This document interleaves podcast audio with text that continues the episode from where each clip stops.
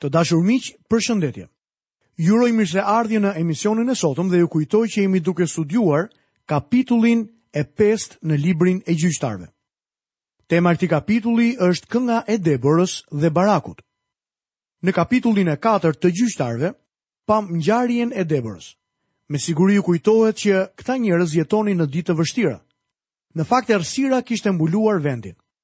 Ngjarja e Deborës, Barakut dhe Jaelës ndodhi në pjesën veriore të Izraelit. Perëndia i dha Izraelit një çlirim të madh. Kjo këngë është një lavdërim për Zotin dhe një ripërsëritje e të gjithë episodit. Lexojmë nga kapitulli 5 i librit të gjyqtarëve, 5 vargjet e parë. Atë ditë Debora këndoi këtë kantik me Barakun, birin e Abinoamit, duke thënë: Meqenëse krerët kanë marrë komandën në Izrael, meqenëse populli është ofruar spontanisht, bekoni Zotin, dëgjoni o mbretër, vini vesh o princa, unë pikërisht, unë do t'i këndoj Zotit, do të këndoj lavdinë e Zotit, Perëndisë së Izraelit. O Zot, kur dole nga Seiri, kur po kapërceje fushat e Edomit, toka u drodh dhe pikoi nga qiejt, po pikoi ujë nga retë. Malet u shkrinë para Zotit, dhe Sinai u drodh para Zotit, Perëndisë së Izraelit.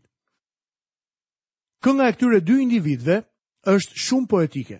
Debora pohon se ajo është një nënë në Izrael dhe nuk po kërkon për një punë tjetër. Fakti që mori udhëheqjen nuk na tërheq vëmendjen tek ajo.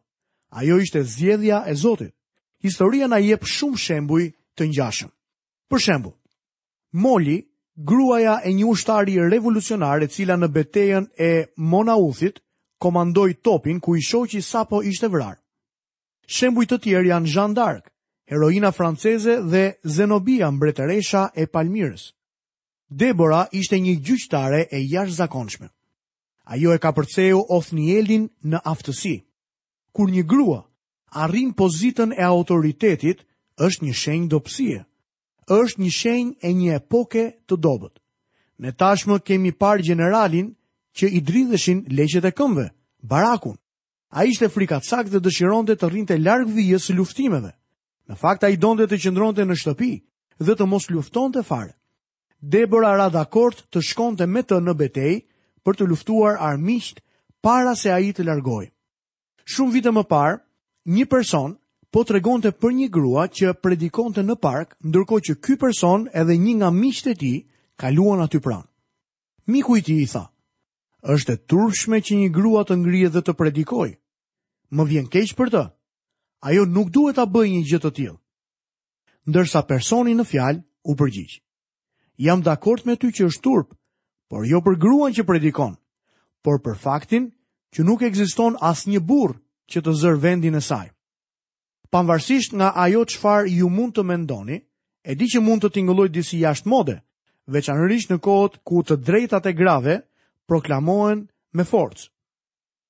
Debora në fakt nuk donte të largohej nga shtëpia e saj. Gjithsesi Jabini ishte mbreti i Kananeve dhe Zoti e kishte dorëzuar Izraelin në skllavëri tek ai. kur erdhi koha e çlirimit, Baraku që komandonte ushtrinë e Izraelit nuk donte të shkonte në betejë, edhe pse Zoti i kishte premtuar fitore. Fitorja u mor, por ajo ishte një fitore e turpshme për Barakun. Pas betejës, Debora dhe Baraku kënduan një këngë që ishte një nga këngët e para të racës njerëzore. Lexojmë vargjet 6 dhe 7. Në kohën e Shamgarit, birit të Anathit, në kohën e Jaelës, rrugët ishin të shkreta dhe kalimtarët ndiqnin shtigje dredha dredha. Mungonin krerë në Izrael, po mungonin derisa nuk dola unë, Debora, si nënë në Izrael. Kjo këngë përmend Shamgarin. Ai ishte gjyqtari që përdori hostenin e qeve. Ai kishte gjykuar gjatë kohës së shkeljes së ligjeve dhe imoralitetit të rëndë. Nuk ishte e sigurt të ecje në rrugët kryesore, ato ishin të zbrasta. Udhëtarët kalonin nëpër shtigje, sepse nuk ishte e sigurt të ecje në rrugën kryesore. Edhe në ditët e sotme po rritet pasiguria e udhëtimeve. Gratë nuk guxojnë të ecin natën vetëm në rrugë. Debora e njihte këtë rrezik sepse në kohën e saj mbizotëronte shkelja e ligjeve. Pastaj në këngën e saj përmendet mungesa e udhëheqësisë. Krerët kishin ndaluar së sunduari. Nuk ishte asnjë burrë që mund të udhëhiqte. Debora ishte një nënë. Ajo kishte zemrën e një nëne. Me sinqeritet ajo nuk donte të merrte udhëheqjen, por në atë kohë nuk kishte asnjë burrë për të drejtuar. Zemrat e të gjithë njerëzve ishin larguar nga dëgjimi i fjalës së Perëndisë. Sa tragjike ishte kjo situatë. Ajo donte diçka më të mirë për fëmijët e saj, sesa atë që kishte kaluar vetë. Për shkak të dëshirës së saj, Debora u bë gjyqtare në Izrael. U ngrit dhe mori udhëheqësinë në një kohë kur kombi i saj kishte mohuar Perëndinë. Lexojmë vargun e tetë. Ata zgjidhnin perëndi të tjera, kur lufta ishte tek pragu. Nuk shihej asnjë mburojë apo shtizë midis dyzet mijë burrave të Izraelit. Izraeli kishte refuzuar Zotin, një lloj siç njerëzit e tjerë sot. Por në vend që të bëheshin ateistë, ata u bënë politeistë. Ata filluan të adhuronin shumë perëndi. Mendoni pak për turmat e tëra të njerëzve që jetojnë sot pa perëndinë. Debora nuk donte që fëmijët e saj të rriteshin në këtë mënyrë, prandaj u ngrit për të drejtuar. Debora këndoi, nuk shihej asnjë mburojë apo shtizë midis 40.000 burrave të Izraelit. Izraeli nuk kishte asnjë ndihmë, sepse njerëzit ishin larguar nga dëgjesa e zërit të Perëndisë. Lexojmë vargjet 10 dhe 11. Ju që shkoni hipur mbi gomarë të bardhë, ju që rrini ulur mbi qilima të shtrenjtë dhe ju që ecni nëpër rrugë, këndoni. Larg britmave të harktarëve, larg koritave, të kremtojnë veprat e drejta të Zotit, veprat e drejta për krerët e tij në Izrael. Atëherë populli i Zotit zbriti në portat. Portat ishin vendi i mbledhjes, kudo që të shkonin për t'u takuar, njerëzit në vend që të flisnin për temat e zakonshme, si kishin bërë në të kaluarën, duhet të flisnin për veprat e drejtësisë së Zotit. Lexojmë nga vargjet 12 dhe 13. Zgjohu, zgjohu o Debora, zgjohu, zgjohu dhe merrja një kënge, çohu o Barak, dhe çoji larg robërit e tu, o bir i Abinoamit. Atëherë iu dha qeverimi mbi fisnikët e popullit atyre që kishin mbetur. Zoti ma dha mua qeverimin midis të fuqishmve. Pas fitores së Izraelit mbi armikun, Debora i thotë Barakut të marrë komandën. Por ai nuk do ta marrë detyrën, kështu që asaj i duhet të vazhdojë si udhëheqëse. Ajo ka zbuluar se Zoti i ka dhënë dominim mbi të fuqishmit.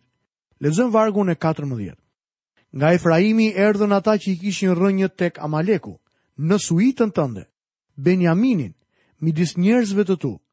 Nga Makiri zbritën disa krerë dhe nga Zabuloni ata që mbajnë shkopin e komandimit. Tani shohim që edhe fiset bashkohen. Lexojmë poshtë vargjet 15 dhe 16. Princat e Isakarit erdhën me Deborën, ashtu siç ishte Isakari, kështu qe edhe Baraku. Ata u hodhën në luginë në gjurmët e saj. Ndër divizionet e Rubenit të mëdha ishin vendimet e zemrës. Pse mbete ti midis të ngujuarve për të dëgjuar fyllin e barinjve? Midis divizioneve të Rubenit të mëdha ishin vendimet e zemrës. Disa nga fiset nuk ndihmuan. Rubeni nuk dërgoi përforcime në betejë. Ata nuk ishin atje për të dhënë ndihmë në kohën e betejës. Ata ishin fqinj dhe shumë afër njëri-tjetrit e megjithatë nuk bënë asgjë. Menduan se duhet të qëndronin me tufat e tyre dhe me sa duket, nuk i besonin askuj tjetër që të kujdesej për kafshët e tyre. Vepruan sikur të mos kishte luftë. Dogjën letrat e planit dhe nuk erdhën. Nga ana tjetër fisi i Isakarit qëndroi me Deborën dhe Barakun. Lexojmë vargun e 17. Galadi ndaloi matanë Jordanit, po Dani pse mbeti mbi anijet? Asheri u vendos pranë bregut të detit dhe mbeti në portet e tij. Dani ishte i zënë me tregti. Njerëzit në atë fis nuk donin të shkonin në betejë. Asheri u vendos pranë bregut të detit. E shihni, natyra njerëzore nuk ka ndryshuar fare. Ashtu si në kohën e Deborës, shumë njerëz sot e kanë lënë pas dore vendin e tyre, ndërkohë që nuk duhet ta kishin bërë këtë gjë. Lexojmë më poshtë nga vargu i 18 dhe i 19. Zabuloni është një popull që ka vënë në rrezik jetën e tij deri në vdekje, po kështu edhe Neftali në zonat e larta të fushës. Këto dy fise luftuan me gjithë forcën e tyre. Mbretërit erdhën dhe luftuan, atëherë luftuan mbretërit e Kanaanit dhe të Tanakit, pranë ujërave të Megidos, por nuk sollën asnjë plaçkë prej argjendi. Izraeli kishte disa të afërm që më parë kishin qenë armiq. Ata i ndihmuan në ujërat e Megidos që ndodhen afër vendit ku do të jetë Armagedoni një ditë. Lexojmë vargun e 20. Nga qielli luftuan yjet, gjatë lëvizjes së tyre luftuan kundër Siseras. Nuk besoj se kjo është një shprehje poetike, përkundrazi mendoj se mund të thuhet në të vërtetë se Perëndia ishte kundra këtyre armiqve.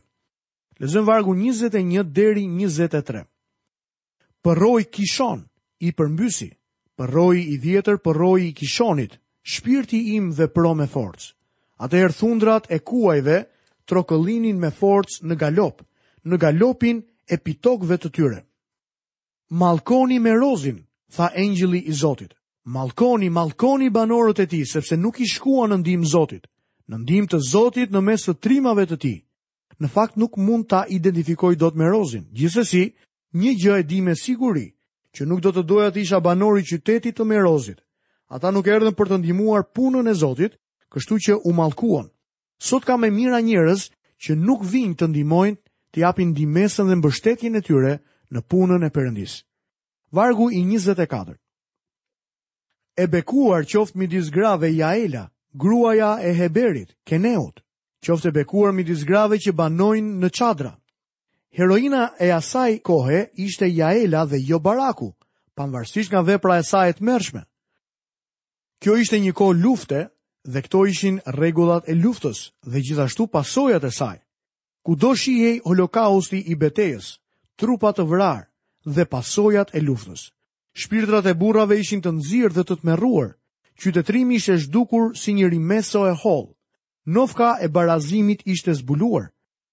Ajo çfarë bëri Jaela ishte e tmerrshme. Gruaja ishte krijuar më mirë se burri. Nga jeta e sotme është larguar diçka shumë e mirë dhe mendoj se kjo i referohet natyrës femërore. Ndërsa tani zbulohet zemra e një nëne, Debora kujton se edhe Sisera Edhe pse ishte armik, kishte një nënë. Dhe edhe pse ajo e lavdëron Jaelën për atë që bëri, mendon për mamanë e Siserës që u vra. Lexojmë vargun 28 deri vargun 30. E ëma e Siseras shikoi nga dritarja dhe thirri nga hekurat e saj. Pse qerrja jote po vonon aq shumë të vijë? Pse ecin kaq ngadalë qerret e tij? Gratë e saj më të urta iu përgjigjën dhe ajo përsëriti me vete fjalët e saj. Ata kanë gjetur plaçkë dhe janë duke e ndarë në pjesë. Për çdo burrë një ose dy vajza, për Siseran një plaçkë me rroba shumëngjyrëshe, një plaçkë me rroba shumëngjyrëshe dhe të qëndisura, me rroba shumëngjyrëshe dhe të qëndisura nga të dy anët për shpatullat e atyre që mbartin tutje plaçkën. Të ëmës së Siserës ia ndiente zemra se mund të kishte ndodhur diçka. Ajo e dinte që biri i ishte vrarë. Ajo kishte menduar gjatë gjithë kohës që ai do të kthehej në shtëpi, por ai nuk erdhi. Edhe në këtë rast, zemra e Deborës i drejtohej kësaj gruaje për shkak se ishte nënë si ajo vetë. Lexojmë vargun e 31. Kështu u zhdukshin të gjithë armiqët e tu o Zot, Por ata që të duan, qofshin si dielli, kur lind me gjithë fuqinë e tij. Pastaj vendi pati qetësi për 40 vjet me radhë. Në të shkuarën ka pasur nëna që kanë kapërcyer të metat në kohë të këqija, kohë të këqija njëlloj si ato që jetoi Debora. Lexoni historinë e Agustinit. Ai kishte një nënë të mrekullueshme të quajtur Monika, që u lut shumë për të. Agustini është fjala për Shën Agustinin, Ishte më parë një profesor kolegji i shthurur, por që në fund erdhi në këmbët e Jezusit dhe u konvertua. Në të njëjtën mënyrë, Suzana Wesley u lut për dy djemt e saj, John dhe Charles Wesley. Nuk po flas se ne duhet të adhurojmë natyrën e femrës ose të nënës, por që jemi larguar shumë nga kuptimi i Perëndisë për gruan. Çfarë pamje të mrekullueshme për nënat gjejmë tek Debora dhe në këngën e saj. Këtu kemi përfunduar studimin e kapitullit të 5 në librin e gjyqtarëve. Në minutat e fundit të këtij programi, do të hedhim një vështrim të shpejt kapitujve për të cilët do të flasim në emisionin tonë të ardhshëm. Në qendër të emisionit tonë në herën e ardhshme do të jenë kapitujt e 6 deri në kapitullin e 8. Temat që do të shqyrtojmë në këta kapituj janë braktisja e katërt dhe Perëndia e çliron Izraelin përmes Gideonit. Do të shohim që Gideoni është gjyqtari tjetër. Ai thirret në këtë detyrë në kapitullin e 6. Kapitulli 7 na tregon se sa fuqishëm e përdor Zoti Gideonin. Do të doja të jepja pak sfond kësaj ngjarje me disa fakte përkatëse. Ngjarjet e gjyqtarëve janë nënvleftësuar nga kritikët për shumë vite me radhë. Ata thanë se për shkak se këto ngjarje nuk ishin në historinë laike, nuk kishin ndodhur në të vërtetë dhe se në të kaluarën nuk kishte pasur asnjë situatë me të cilën të përshtateshin, por të gjitha këto ndryshuan për shkak të lopatës së arkeologut dhe punës studimore të njerëzve si Burni, Multon, Brestid dhe Garstang. Këta studiues të jashtëzakonshëm na dhanë sfondin për librin e gjyqtarëve. Ne e dimë se në këtë kohë të veçantë të historisë, Egjipti ishte shumë i dobët.